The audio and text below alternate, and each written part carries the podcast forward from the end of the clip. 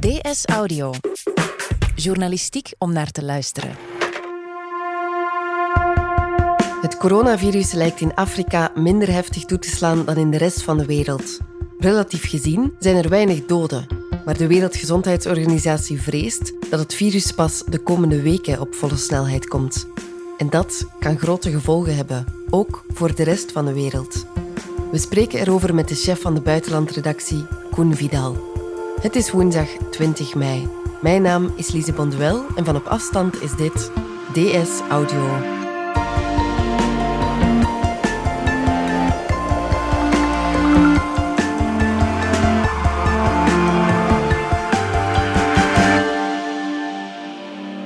Dag Koen. Dag Lies. Jij houdt voor de krant het Afrikaanse continent in het oog. En je bent er ook al vaak geweest, hè? Mhm, dat klopt, ja. Ik heb er een tijd gewoond, twee jaar. Toen werkte ik vanuit uh, Nairobi voor uh, ja, Oost-Afrika, maar ook uh, zeker grote meren. En dan, dan verder ja. ook veel gereisd in West-Afrika, ook Zuid-Afrika. Ja. Oké, okay. en de voorbije weken hebben we het natuurlijk vooral gehad over de gevolgen van de coronacrisis voor ons hier in België. Maar ondertussen worstelen natuurlijk ook de landen op het Afrikaanse continent met de pandemie. Inderdaad, ja. Hoe erg is de situatie daar op dit moment? Wel, het is een, een verhaal met uh, twee heel verschillende kanten. Aan de ene kant zou je kunnen zeggen, qua corona op het Afrikaanse continent gaat het relatief goed. Met, met ook wel dat woord relatief, want er zijn natuurlijk wel doden en besmettingen. Momenteel staat de teller qua besmettingen op 84.000 en het aantal doden op 2760. Ja, 2760 doden voor het hele continent dus. In welke landen is er precies al corona? Wel, het is in alle landen uiteraard, maar je zou kunnen zeggen de landen die het meest getroffen zijn bevinden zich in de noordelijke kant van Afrika en het gaat ook om Zuid-Afrika. Nu, dat zijn niet toevallig de landen waar meer getest wordt. Dus dat is belangrijk als we het overzicht willen houden. Maar ja, Zuid-Afrika is nu ook wel een land waar heel veel internationaal verkeer is, waar ook heel veel grote steden zijn waar mensen dicht op elkaar mm-hmm. leven. Maar dus uh, Zuid-Afrika staat voor wat betreft Afrika aan de, de top met 10.000 besmettingen. En daaronder heb je Egypte met ongeveer het, uh, hetzelfde aantal. Marokko zit op 6.200. En dan in West-Afrika heb je ook wel een aantal landen, Nigeria, Ghana, die rond de 4.700 besmettingen zitten. Nu, dat zijn natuurlijk hoge getallen, maar vergeleken met uh, Europa, uh, zeker met Italië, Spanje, Verenigd Koninkrijk en ook met de Verenigde Staten, is dat natuurlijk zeer laag. Hoe komt het dat het aantal besmettingen in Afrika zo laag is eigenlijk? Uh, een eerste belangrijk element is natuurlijk dat er veel minder getest wordt en ook dat de cijfers minder goed worden bijgehouden. Sowieso qua cijfers uh, in veel Afrikaanse landen is het altijd al problematisch geweest. Bijvoorbeeld heel veel geboortes worden niet geregistreerd. Dus ook met de coronaregistratie is er natuurlijk een probleem. Aan de andere kant kun je toch zeggen dat er een aantal factoren zijn die echt wel objectief kunnen verklaren waarom het voorlopig laag blijft. En dan kijken de wetenschappers toch vooral naar de jonge leeftijd. Dus in veel Afrikaanse landen is de gemiddelde leeftijd ja, laag. Het is een jonge bevolking. En die jonge bevolking zou natuurlijk wel besmet kunnen geraken, maar de gevolgen van die besmetting, net zoals hier, zijn veel minder. Dus uh, er sterven minder mensen aan corona. Ja. Een ander element dat toch steeds meer in het zicht komt, is zwaarlijvigheid. Dat is in onze contraien toch uh, een, een belangrijke factor. Maar over het algemeen, Afrikanen hebben minder last van obesitas. Ja. Ook al neemt het ook daar wel toe, maar het is, het is lager. En dan is er nog een belangrijke factor, en dat hebben mensen in Afrikaanse landen aan zichzelf te danken. En ook wel aan hun beleidsmensen, aan hun, hun gezondheidsverantwoordelijken. Hun maatregelen zijn al bij al redelijk goed geweest. Maar als je kijkt naar de grote meren, eh, een regio die, die wij in België redelijk goed kennen, dan zie je dat de maatregelen redelijk goed zijn en goed zijn opgevolgd. En bijvoorbeeld voor Congo, maar ook Rwanda, hebben ze dat te danken aan het feit dat er in het eh, recente verleden en ook nog wel steeds in minder mate een, een ebola-epidemie is geweest. En daarin zijn maatregelen toegepast en redelijk rigoureus toegepast, die eigenlijk ook kunnen toegepast worden voor het indammen van de corona-epidemie. Dus dan gaat het vooral over een goede tracing, daar hebben ze best mhm. wel ervaring mee. En een goede quarantainebeleid. Dus mensen worden heel snel getraced. Mensen worden ook systematisch en uh, goed in quarantaine geplaatst. Ja.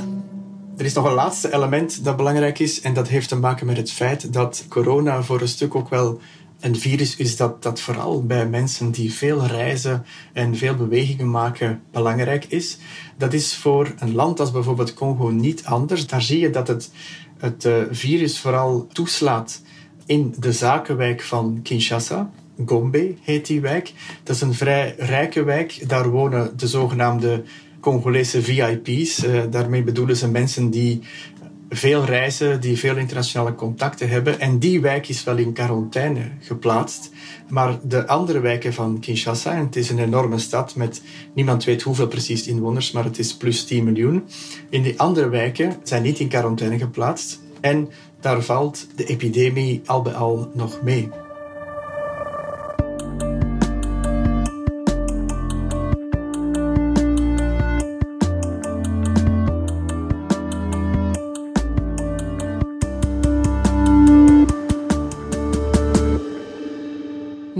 Feit dat Afrika redelijk gespaard blijft, is natuurlijk goed nieuws. Mhm. Aan de andere kant schreef je ook in de krant dat er wel een soort vrees bestaat dat het coronavirus in Afrika de komende weken pas echt op volle snelheid zal draaien. Ja, en dat heeft vooral te maken met een aantal ja, factoren die voor de coronacrisis ook aanwezig waren en, en, en die de zwakte van het continent uitmaken.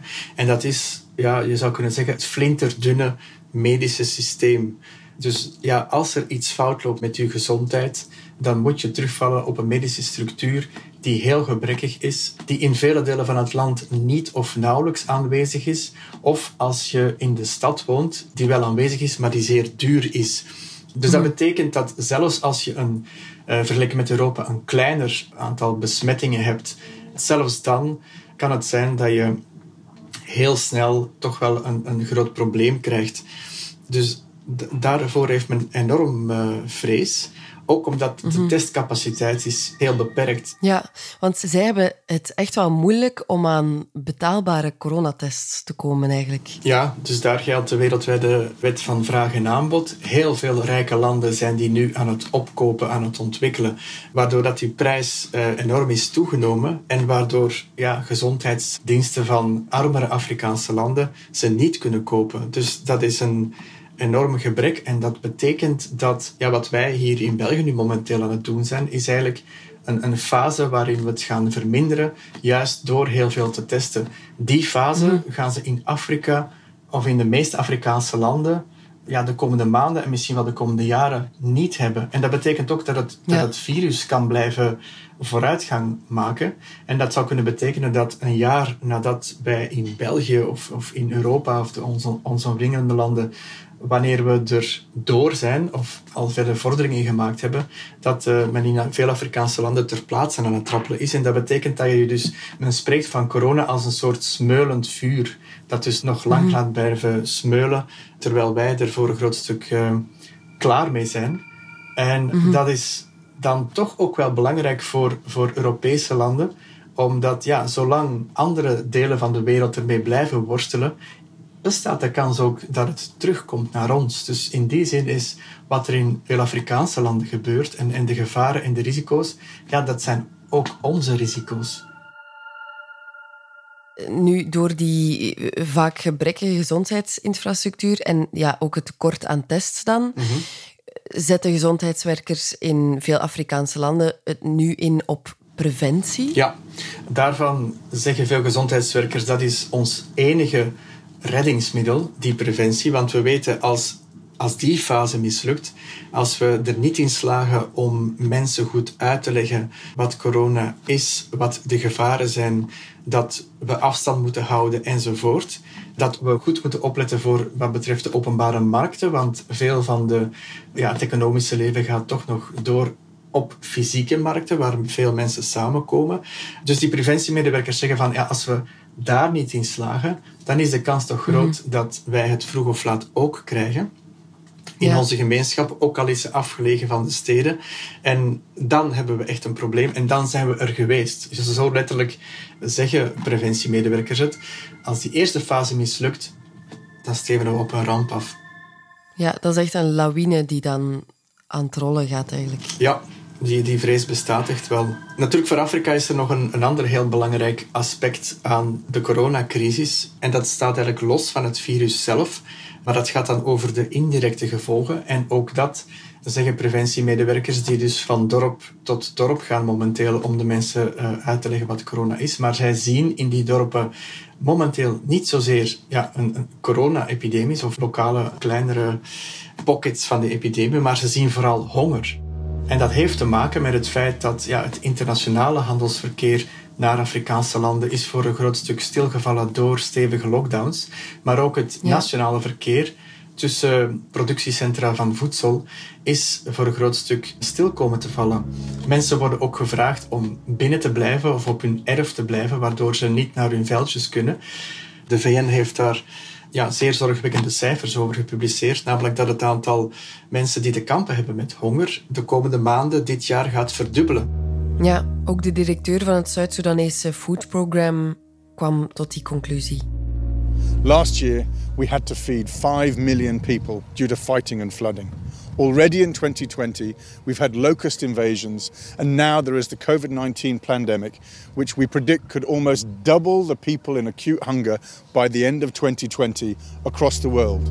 En dan spreken we wereldwijd over 135 naar 265 miljoen.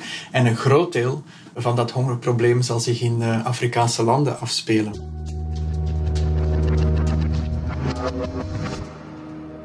En is dat ook een reden waarom mensen dan toch buiten komen op hun velden? Uh... Absoluut, ja. ja. Dus ja, lockdown is in veel Afrikaanse landen geen oplossing gebleken. Waarom? Omdat ja, zowel in de steden als op het platteland de meeste mensen zijn dagloners. Dus die moeten naar buiten komen om iets te verdienen. In die zin kun je wel een week in lockdown gaan, maar twee weken wordt al bijzonder moeilijk. Dus je ziet een aantal landen, bijvoorbeeld Ghana, ja, is toch een van de zwaarder getroffen landen momenteel. Maar die zijn een week geleden al uit een lockdown gegaan, omdat ze merken van ja, we kunnen misschien op deze manier het coronavirus tegenhouden, maar onze bevolking is achter de gevels aan het verhongeren. Dus dat, dat gaat gewoon niet. Dus ja, lockdown ja, heeft het alleen maar erger gemaakt.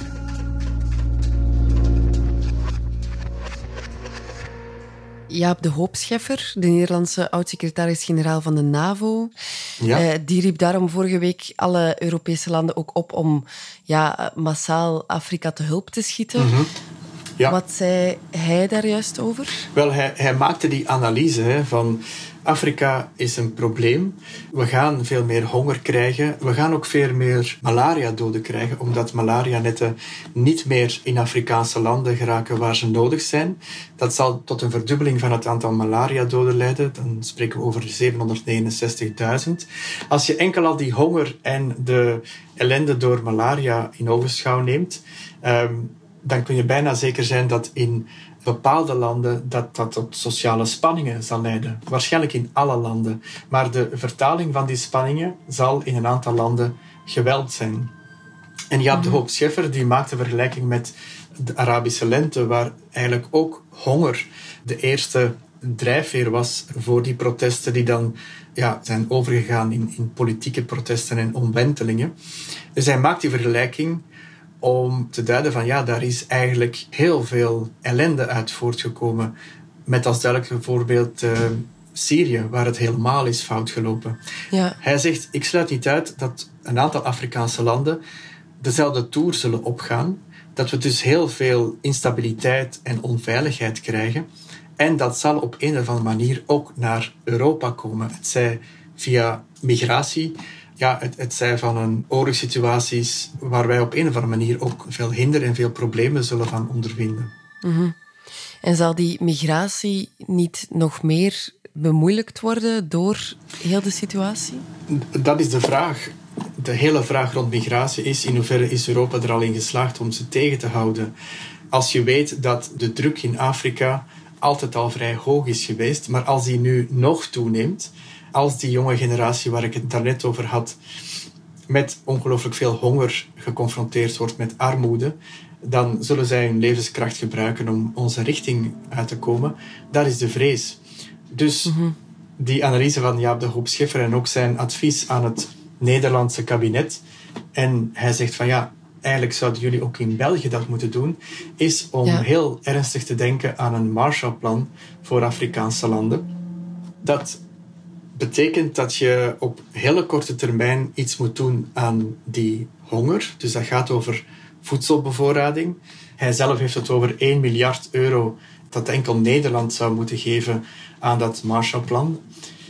Want als je dat niet doet, zegt hij, dan ga je dat eerder vroeg dan laat als een boemerang naar Europa krijgen. Hij zegt er ook wel bij, en je moet het niet enkel doen uit welbegrepen eigenbelang, maar er stelt zich ook een morele vraag. Het is toch niet omdat wij nu volop bezig zijn met ons eigen beleid ten aanzien van corona, dat we nu plotseling niet meer naar Afrika moeten gaan kijken of niet meer naar andere landen, eh, continenten en andere landen waar de toestand ja, heel problematisch zal worden. Hij zegt van ja, we moeten die open blik handhaven vanuit een uh, optiek van ja, mededogen en solidariteit met die landen, maar ook vanuit de welbegrepen eigenbelang. Mm Koen Vidal, chef buitenland, enorm bedankt. Graag gedaan. Dit was DS Audio. Wil je reageren? Dat kan via dsaudio.standaard.be. In deze aflevering hoorde je Koen Vidal en mezelf, Lise Bonduel. De redactie gebeurde door Pieter van Malen en Emiel Karter. De eindredactie door Anna Korterink. Brecht Plasgaard deed de audioproductie. Brecht schreef ook de muziek die je hoorde in deze podcast. Chef audio is Wouter van Driessen.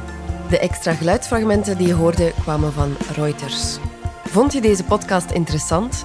Weet dan dat je er elke werkdag één kunt beluisteren. Dat kan via de DS Nieuws app of via standaard.be-audio. Je kunt je ook abonneren via iTunes, Spotify of de podcast app van je keuze. En als je daar dan toch bent, schrijf gerust een review. Zo toon ook anderen de weg. We gaan er een paar dagen tussenuit, maar maandag zijn we er opnieuw.